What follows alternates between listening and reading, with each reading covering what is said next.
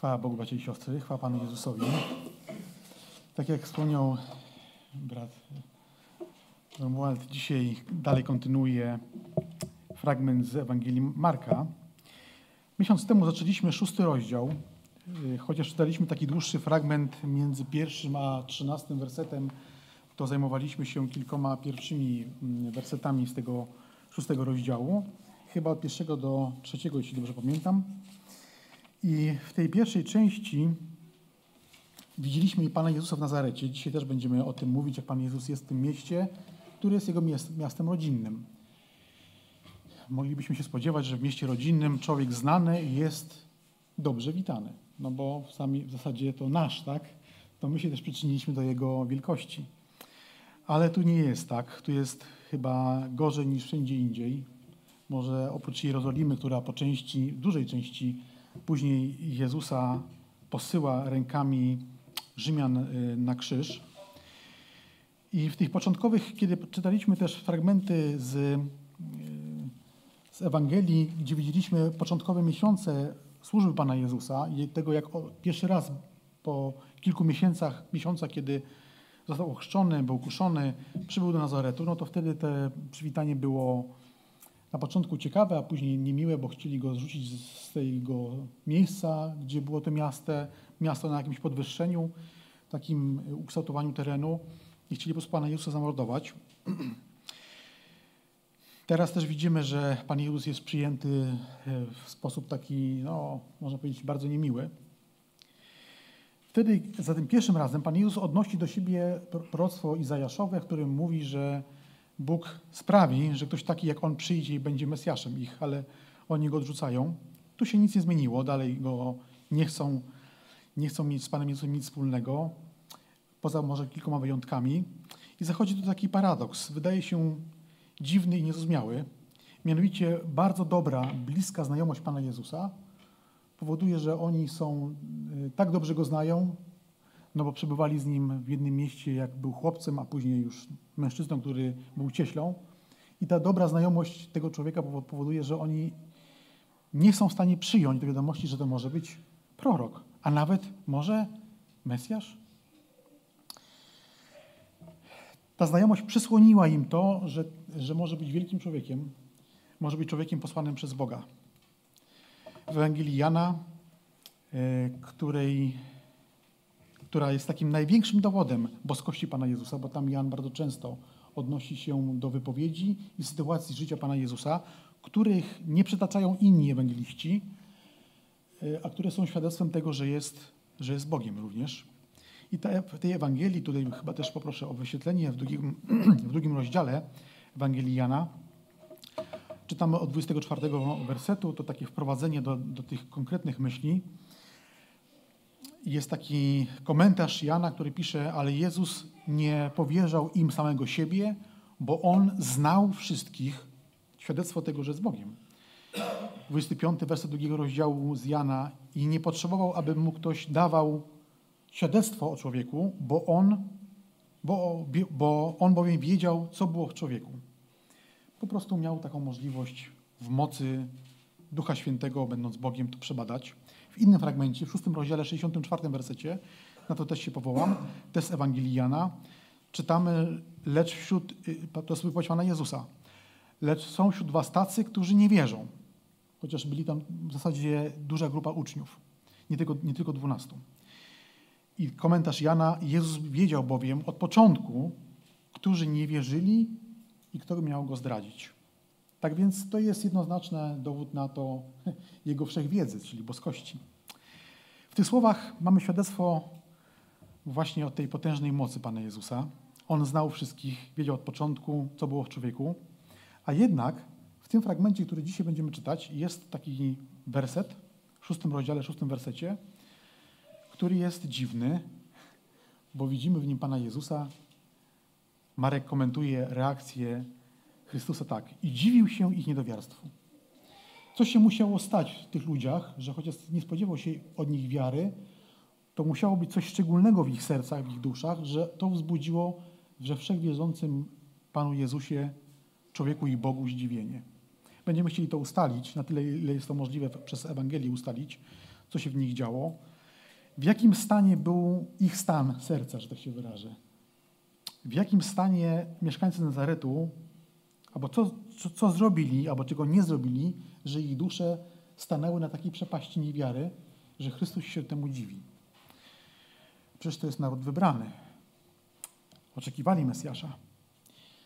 Myślę, że też w, tych, w tym kontekście niewiary na mieszkańców Nazaretu będzie, są ważniejsze pytania. Czy taki stan serca, jak ich, jest możliwy również, żebym ja miał taki stan serca jak oni? Czy jest to również możliwe y, w człowieku wierzącym dzisiaj? Y, albo inne pytanie, co zrobić, żeby nie mieć takiego stanu serca? Czy jest to w ogóle możliwe? Podejmę próbę e, jakby dociec do tych pytań, dojść do nich. Najpierw jednak otwórzmy Ewangelię Marka albo śledźmy je, to co będzie na, wyświetlane na ekranie. To, co będziemy mieli wyświetlane, to jest e, uwspółcześniona Biblia Gdańska, ale przecież możemy też ze swoich korzystać, przykładów, które najbardziej do nas przemawiają. Też odczytamy tych pierwszych 13 wersetów jeszcze raz, chociaż zajmiemy się tylko fragmentem, ale jako kontekst może całość zobaczmy. Marka 6 od pierwszego. I wyszedłszy stamtąd, przeszedł w swoje rodzinne strony, a szli z nim jego uczniowie. A gdy nadszedł szabat, zaczął nauczać w synagodze, wielu zaś słuchając go zdumiewało się i pytało, skąd on ma to wszystko? Co to za mądrość, która jest mu dana, że nawet takie cuda dzieją się przez jego ręce? Czy to nie jest cieśla, syn Marii, a brat Jakuba, Józefa, Judy i Szymona? Czyż nie ma tu wśród nas także jego sióstr? I gorszyli się z jego powodu. Ale Jezus powiedział do nich, nigdzie nie jest prorok bez czci, tylko w swojej ojczyźnie, wśród swoich krewnych i w swoim domu. I nie mógł tam uczynić żadnego cudu, oprócz tego, że uzdrowił niektórych chorych, kładąc na nich ręce – i dziwił się ich niedowiarstwu. Potem obchodził okoliczne wioski, nauczając. Wtedy przywołał do siebie dwunastu, zaczął ich rozsyłać po dwóch, dając im też moc nad duchami nieczystymi i nakazał im, aby oprócz laski nie brali na drogę niczego, ani torby, ani chleba, ani pieniędzy w trzosie, lecz żeby założyli sandały i nie wkładali dwóch szat. Potem mówił do nich, Gdziekolwiek pójdziecie, do jakiegoś domu, zostańcie tam, dopóki stamtąd nie odejdziecie. A jeśli was ktoś nie przyjmie i nie usłucha, wyszedłszy stamtąd, strząśnijcie pył z waszych nóg na świadectwo przeciwko nim. Zaprawdę, powiadam wam, lżej będzie Sodomie i Gomorze w dzień sądu, niż temu miastu. Wtedy wyszli i głosili, że ludzie powinni pokutować. I wypędzali wiele demonów i wielu chorych namaszczali olejkiem i uzdrawiali. W tym fragmencie zajmiemy się głównie trzema wersetami, jako taki kontynuacja tego, że mieszkańcy Nazaretu nie przyjęli Pana Jezusa. I w czwartym wersecie czytaliśmy, że ale Jezus powiedział do nich, nigdzie nie jest prorok, nigdzie nie jest prorok bez czci, tylko w swojej ojczyźnie i wśród swoich krewnych w swoim domu. Pan Jezus może tutaj nawiązywać do różnych wydarzeń z czasów prorockich, kiedy rzeczywiście prorocy nie byli przyjmowani przez swoich. Ale dlaczego odnosi do siebie słowo prorok? Przecież jest Mesjaszem. Mógł powiedzieć, jestem Mesjaszem. No, prorokiem też, ale jestem Mesjaszem. Tego nie robi, tylko odnosi to, to wydarzenie, taką, taką wizję, że prorok jest u swoich nieprzyjmowany, no bo jak mówiliśmy też miesiąc temu, prorokami y, Boga Jahwe nie byli wielcy, mądrzy wspaniale wykształceni, chociaż też tacy byli, na przykład Izajasz czy Sofoniasz, ale byli to Y, bardzo prości ludzie, y, niemajętni, rolnicy, rzemieślnicy. Dlaczego Pan Jezus mówi, że o sobie odnosi słowo prorok? Gdybyśmy zwrócili uwagę na fragment, który Bóg Izraela nakazał spisanie paru słów w Księdze Powtórzonego Prawa, 18 rozdział, 15, 18 i 19 werset, to tutaj czytamy takie słowa które zapisał Mojżesz. Jachwę Pan, Twój Bóg, zbudzi Ci proroka, podobnego do mnie, pośród Ciebie, pośród Twoich braci Jego będziecie słuchać. Wzbudzę im proroka podobnego do ciebie wśród twoich braci i włożę moje słowa w jego usta, a on powie im wszystko, co mu rozkaże. I jeśli ktoś nie będzie posłuszny moim słowom, które będzie on mówić w moim imieniu, zażądam od niego zdania sprawy. Faktem jest, że z narodzinami Pana Jezusa, że narodziny, może inaczej, przyjście Mesjasza było oczekiwane. Kiedy otwieramy Ewangelię na sam początku, to widzimy, że lud był w oczekiwaniu, bo spodziewali się, że to może ten, okres. Dlaczego nawiązuje do y, spodziewania się przyjścia Mesjasza z tym fragmentem? Dlatego, że kiedy, kiedy Pan Jezus przychodzi, to uczeni w piśmie wysyłają swoich przedstawicieli do Jana Chrzciciela z takim pytaniem. A takie jest świadectwo Jana, gdy Żydzi posłali z Jerozolimy kapłanów i lewitów, aby zapytali go, kim ty jesteś? I wyznał, a nie zaprzeczył, i wyznał, ja nie jestem Chrystusem. To mówi Jan Chrzciciel.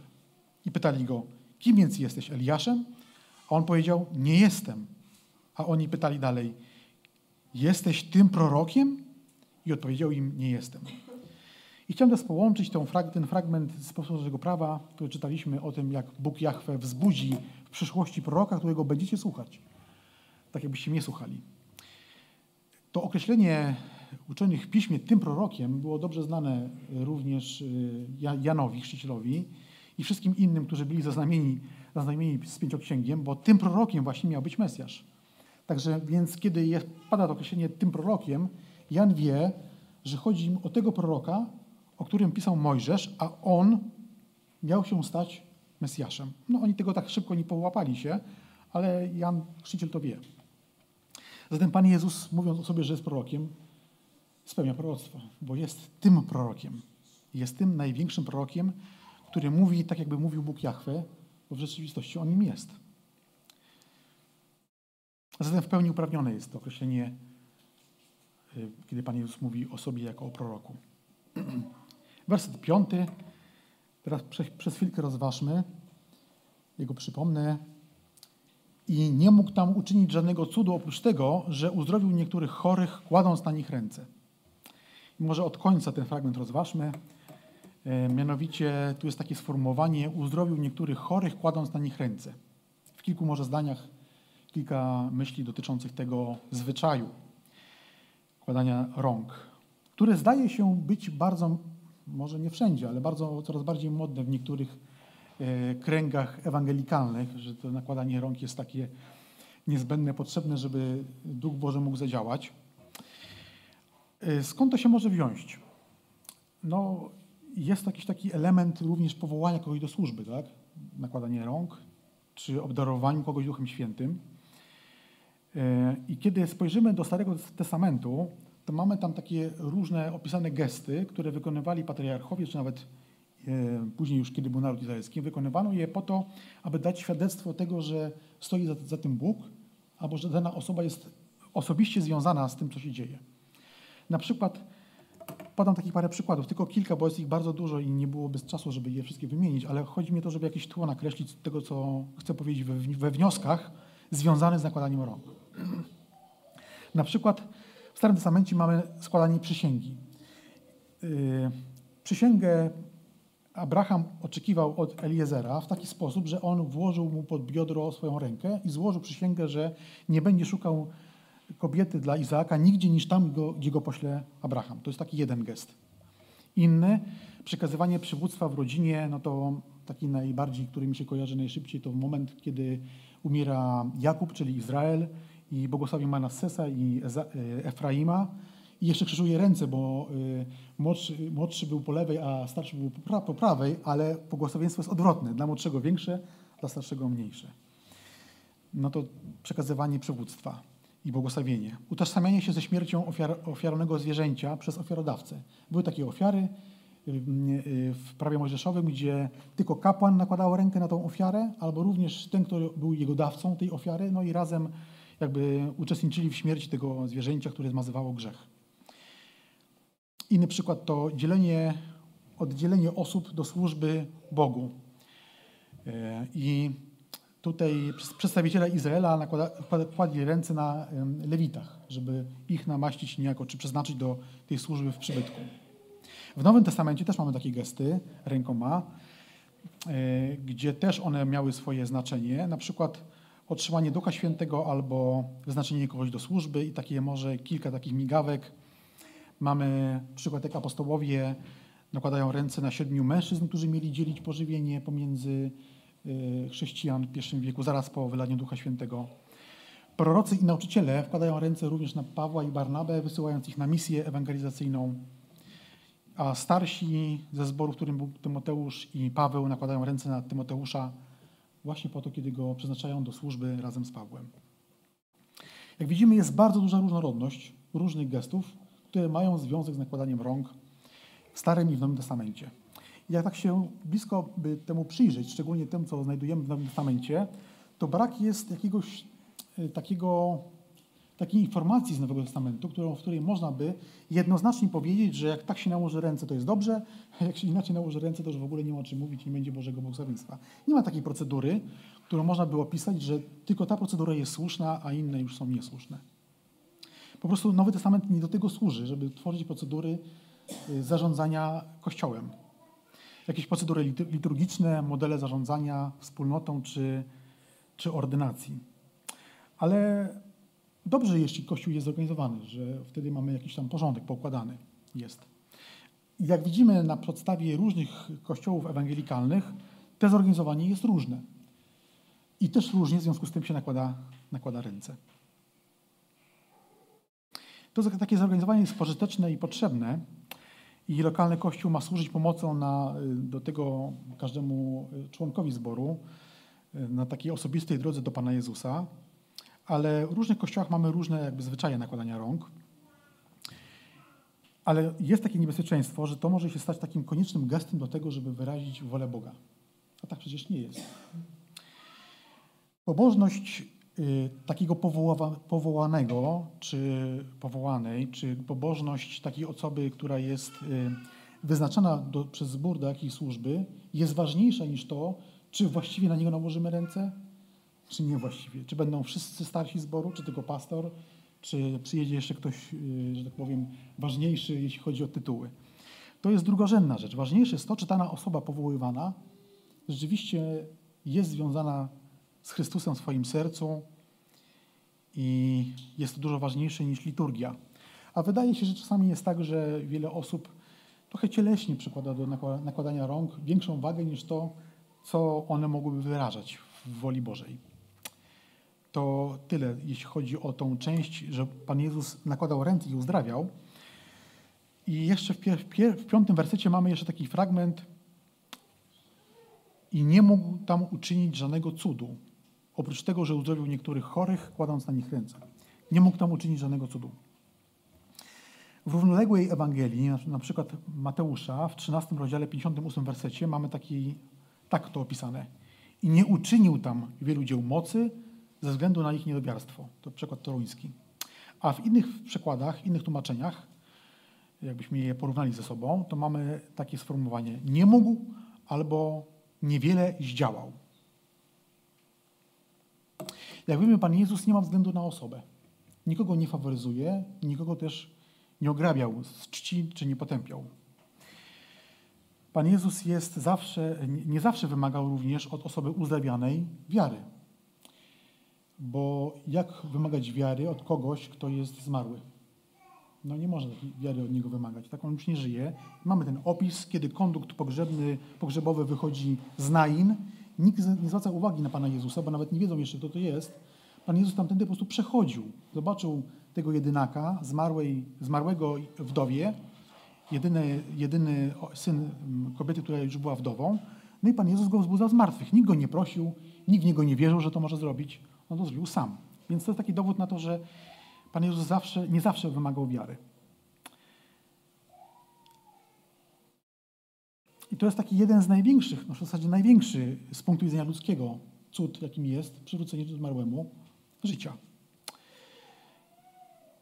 Ale faktem jest także, że Pan Jezus przy innych okazjach oczekuje wiary albo od uzdrowionego, albo od tych, którzy się nim opiekują. Mamy ten przykład, kiedy sparyżowany widać chyba nie bardzo było z jego wiarą, bo Pan Jezus, kiedy go spuścili przez ten rozerwany dach, mówi do tych ludzi, którzy go przynieśli, że to oni mieli tą wiarę. I na, na skutek ich wiary Pan Jezus dokonuje tego cudu, że ten człowiek jest uzdrowiony całkowicie ze swego paraliżu. Ale rozważamy to i jedno jest pewne, ilość wiary nie jest tak ważna, jak to, w kogo się wierzy. Niektórzy ludzie mieli małą wiarę, Pan Jezus ich uzdrawiał, inni mieli olbrzymią wiarę, jak człowiek, to Rzymianin był, setnik, który mówi, Panie, nie przychodź pod mój dach, bo ja niegodny jestem, ale powiedz słowo. I tak się stało. Nie oznacza to, że tu czytamy, że Pan Jezus nie mógł tam uczynić jakiego, żadnego cudu, ale jakiś tam pomniejszy wykonał. Nie oznacza to słabości Pana Jezusa, tylko Jego suwerenną decyzję, że tego nie zrobi z powodu ich niewiary. Dlatego w tym mieście nie było wielu cudów, bo ci ludzie nie przejawiali wiary. Nie dlatego, że byli nie, niezorientowani w temacie. Oni wiedzieli, kim jest Jezus, wiedzieli, że to jest prorok, słyszeli o Jego wcześniejszych cudach w różnych miejscach w Izraelu, a mimo to byli bez wiary. Nawet niewielka wiara człowieka, Boga, w Pana Jezusa jest w stanie go zbawić, jest w stanie otworzyć serce człowieka na duchową relację z Bogiem. Bóg nie uzależnia tutaj wielkość wiary, jakimś potencjometrem jej nie, nie mierzy i nie mamy możliwości jej zmierzyć. Pan Jezus mówi, że gdybyście mieli wiarę jak ziarno korczycy, to powiedzcie tej górze i się przyniesie z miejsca na miejsce. To świadczy o tym, że Bóg nie mierzy naszej wiary i mówi, no to skoro jest masz niewielką, to ci tylko trochę pomogę. Tak nie jest. Ale jeśli ludzie świadomie, uporczywie odrzucają oczywiste dowody boskiego posłannictwa Pana Jezusa, mogą doprowadzić do tego, że ich serce będzie tak wyschnięte, w cudzysłowie mówię, że nie będą zdolni do, do, do wiary. I mieszkańcy Nazaretu przez swoją uporczywość i pilnowanie tego, tej niechęci do Pana Jezusa całkowicie wyjałowili możliwość przejawiania wiary w Jezusa, tak że Pan Jezus decydował nic tam nie czynić więcej niż to, co miał uczynić i było to bardzo niewiele. Chociaż mimo to Pan Jezus dokonał kilku tych uzdrowień w Nazarecie, to jednak ogólny stosunek większości mieszkańców miasta była taka, żeby sobie poszedł. Czyż nie jest prawdą fakt, że jeśli ktoś nie chce, żeby mu pomóc, to mu nie pomożemy? Jeśli ktoś się upiera, no to nie da się komuś na siłę pomóc. Nie da się kogoś na siłę zaprowadzić do lekarza, jeśli nie chce, albo żeby wziął leki, czy jakieś inna rzecz. Po prostu nie chce i tyle. A oni tego nie chcieli. I Pan Jezus zdecydował tego nie robić.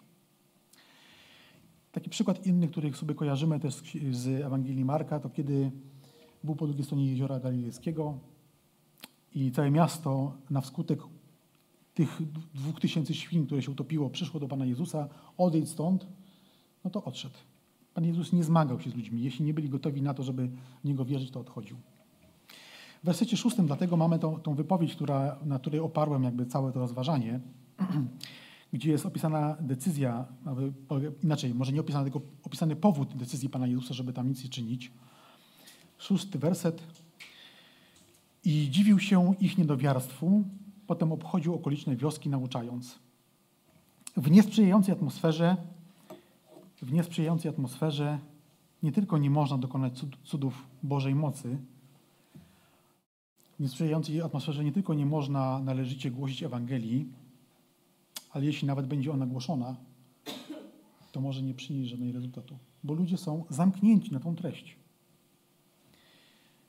W niesprzyjającej atmosferze, złej atmosferze nie należy nawet nikogo na siłę zmuszać, żeby przyjął Ewangelię, bo zrobimy wtedy jeszcze większą krzywdę komuś.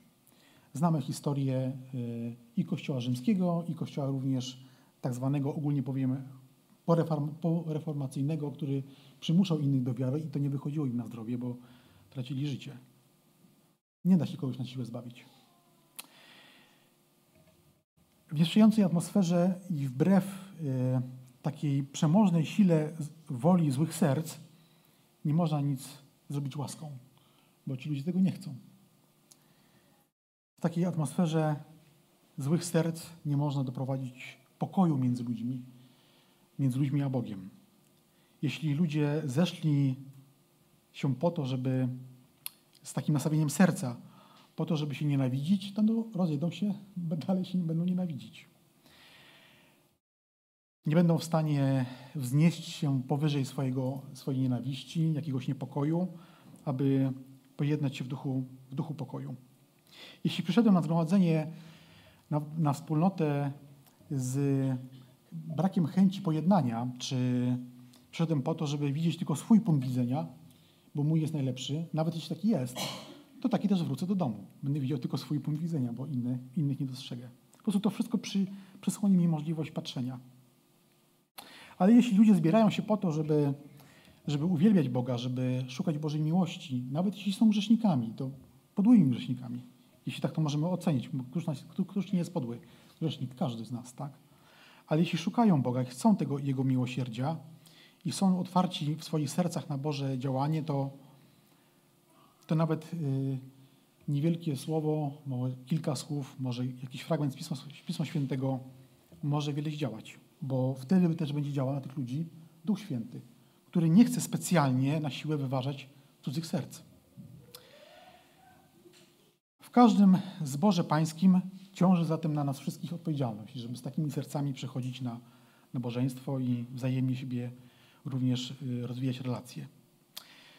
Bo zbór to nie jest bezosobowa masa ludzi. Zbór to jest taka masa ludzi, którzy są osobowi i każdy z nich ma jakąś więź z Bogiem. Dopiero te wszystkie poszczególne więzi tworzą jakąś wartość wspólnie. Jako jednostka mogę być pomocą, ale mogę być też przeszkodą cudzej wierze w pracy Ducha Świętego, który chce w każdym sercu uwielbić Chrystusa. Ci ludzie mieli tak mocno, ci ludzie z Nazaretu mieli tak mocno pozamykane serca, że Pan Jezus, chodząc w mocy Ducha Świętego, tych serc nie otworzył i oni nie otrzymali zbawienia. Mogę otworzyć przed Bogiem serce szeroko i spodziewać się, co Bóg uczyni ze mną, a mogę tego nie robić. Ale chciałbym jeszcze dwa słowa o tym y, takim sformułowaniu, bo często też je używamy, otworzyć serce, co ono może oznaczać. Kilka takich przykładów, znaczy może inaczej, kilka takich myśli, bo to jest dość szerokie pojęcie. Otworzyć serce przed Bogiem to po prostu przyznać się przed samym sobą, że jestem grzesznikiem. Jedna rzecz. Że nie ma mnie bez Pana Jezusa. Że bez Jego wpływu każda moja myśl, nawet ta najlepsza, i tak skończy się grzechem. Nawet jeśli coś skutecznie będę działał, a była to myśl, którą, która wypłynęła ze mnie samego i coś się udało zrobić, to pomyślę, to moja zasługa, a nie to Jego zasługa. Tak więc otworzenie serca to uznanie siebie, że bez Jezusa Chrystusa, zresztą on tak powiedział, nic uczynić dobrego, nic uczynić w ogóle nie mogę. Nie mogę nic zrobić, żeby Bóg o mnie dobrze myślał. Nie mogę nic zrobić, żeby go czymś zainteresować swojej pięknej osobowości, bo takiej nie mam. Zatem otworzyć serce to uznać, że jestem kompletnym bankrutem. I to w zasadzie w każdym kazaniu podkreślamy. Ale y, moja dusza, która jest tam gdzieś jeszcze zagnieżona w ciele, jest tak przyciągnięta grzechem, że chętnie o tym zapominam, że przed Bogiem i przed innymi ludźmi, nawet takimi, którzy chodzą po ulicy i Bóg ich nie interesuje, a nawet takimi, którzy bluzią przed Bogu, to w oczach Boga nie stanowię żadnej większej wartości. Jeśli, jeśli nie wyznaję Pana Jezusa i wiary w Niego. Tak więc każda ta największa wartość jest tylko w Chrystusie. W Ewangelii Mateusza, w Ewangelii Łukasza znajdujemy jeszcze inne zdziwienie Pana Jezusa. Chciałem tutaj do, do, niego, już o nim wspomniałem, ale chciałem jeszcze do niego na chwilę powrócić. Ale może powiem, z jakiego fragmentu będę do tego sięgał. To było zdziwienie takie bardzo niepozytywne, bo ci ludzie nie mieli wiary. A w Łukasza, siódmym rozdziale, czytamy takie słowa od pierwszego wersetu. A gdy skończył mówić wszystkie te słowa w obecności ludzi, wszedł do Kafarnaum i sługa pewnego setnika, bardzo przez niego ceniony, zachorował i był bliski śmierci. Kiedy setnik usłyszał o Jezusie, posłał do niego starszych spośród Żydów, prosząc, aby przyszedł i uzdrowił jego sługę. A oni przyszli do Jezusa i prosili go usilnie, godny jest, abyś mu to uczynił. Miłuje bowiem nasz naród i zbudował nam synagogę. Wtedy Jezus poszedł z nimi, ale gdy był już niedaleko domu, setnik posłał swego, do niego przyjaciół ze słowami: Panie, nie trudź się, bo jestem niegodny, abyś wszedł pod mój dach. Dlatego i samego siebie nie uważałem za godnego przyjść do Ciebie, lecz powiedz słowo, a mój sługa zostanie uzdrowiony. Bo ja jestem człowiekiem podległym władzy i mam pod sobą żołnierzy i mówię jednemu idź, a idzie, a drugiemu chodź tu, a przychodzi, a mojemu słudze zrób to, a robi. Gdy Jezus to usłyszał, zdziwił się, obróciwszy się, powiedział do ludzi, którzy za nim szli: Mówię wam, nawet w Izraelu nie znalazłem tak wielkiej wiary. Tak więc Pana Jezusa można było też umieć zdziwić pozytywnie. I to ten nieobrzezany Rzymianin to zrobił. Świadczy to o tym, jak mówiłem wcześniej, wiemy to też z Słowa Bożego, Chrystus, Bóg nie patrzy na ludzi faworyzując kogoś. Wszyscy mają do Niego taki sam dostęp we krwi Chrystusa. Otworzyć serce przed Bogiem oznacza to, kiedy uznają swoją bezwartościowość wobec Boga, mamy ten przykład tego człowieka, że godnym Bożej akceptacji mogę być tylko wtedy, kiedy wyznaję Pana Jezusa, kiedy w Niego wierzę, kiedy moją wartością przed Bogiem jest jedynie Chrystus. To wtedy wszystkie bramy, wszystkie drzwi do Boga są otwarte. Jest to jedna z najtrudniejszych przemian, myślę. Bo nie chodzi tylko o to, żeby sobie powiedzieć, no rzeczywiście jestem upadły, ale żeby pogodzić się z tym, że zasługuję na Boże, na Boże potępienie, a jedyną drogą do wyjścia od tego potępienia jest, jest Chrystus. I wtedy niepotrzebne są cuda. Kiedy Pan Jezus był na krzyżu, to niektórzy Jego wrogowie mówili stąp z krzyża, uwierzymy Ci. Przecież niektórzy z nich byli świadkami zmartwychwzbudzenia Łazarza. To czego jeszcze więcej? Tak więc czasami jest tak, że ludzie się do, do, domagają jakichś, jakichś bożych dzieł mocy, cudów, żeby mogli uwierzyć. Ale wiara nie zależy od cudu. Wiara nie zależy od cudu. Od tego, czy otwieram na Boga serce, a resztę dopełni, bo wiara też jest darem, resztę też dopełni Bóg. Myślę, że uświadomienie sobie tych faktów obecnie jest, chyba zawsze było, ale może obecnie jeszcze bardziej niż kiedykolwiek wcześniej, ważne dla całego Kościoła Pana Jezusa Chrystusa. Gdy zgromadzeni na nabożeństwie wierzący pamiętają, że stan mojego serca jest no, taki, jaki jest, czyli może być ewentualnie pełen grzechu, ale otwierając go na, na myśli Boże, wewnętrznie staje się również współuczestnictwem tego, co podaje Bóg, czyli wiary. W, tym, w tej myśli wszyscy możemy być poniekąd współautorami powodzenia, jeśli tak można powiedzieć, powodzenia na nabożeństwie bo Duch Boży, Pan Jezus jest tu obecny. Chcemy, żeby tak było, więc otwieramy swoje serca na tą działalność.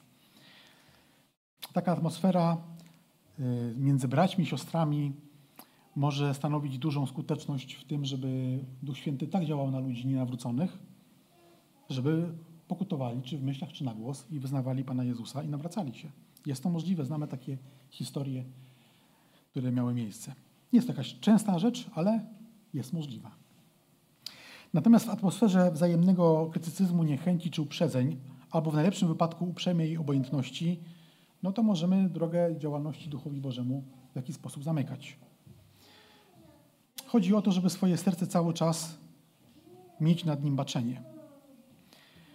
Duch Święty obecny na nabożeństwie po prostu powstrzyma swoje działanie właśnie z tego powodu, że jedna czy dwie jednostki mogą być w jakiś sposób nieprzygotowane w swoim sercu. Mieszkańcy miasta byli takimi właśnie ludźmi, którzy swoje serca nie przygotowali dla Pana Jezusa i kategorycznie Go odrzucają. Nie chcą nie tylko Jego samego, nie chcą nie tylko Jego Ewangelii, ale nie chcą też od Niego zbawienia. To jest jakiś paradoks. Pan Jezus był zadziwiony duchową ślepotą i zatwardziałością serc tych ludzi.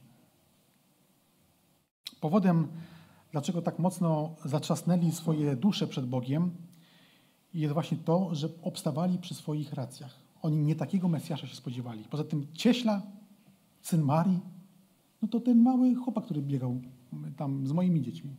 On jest Mesjaszem?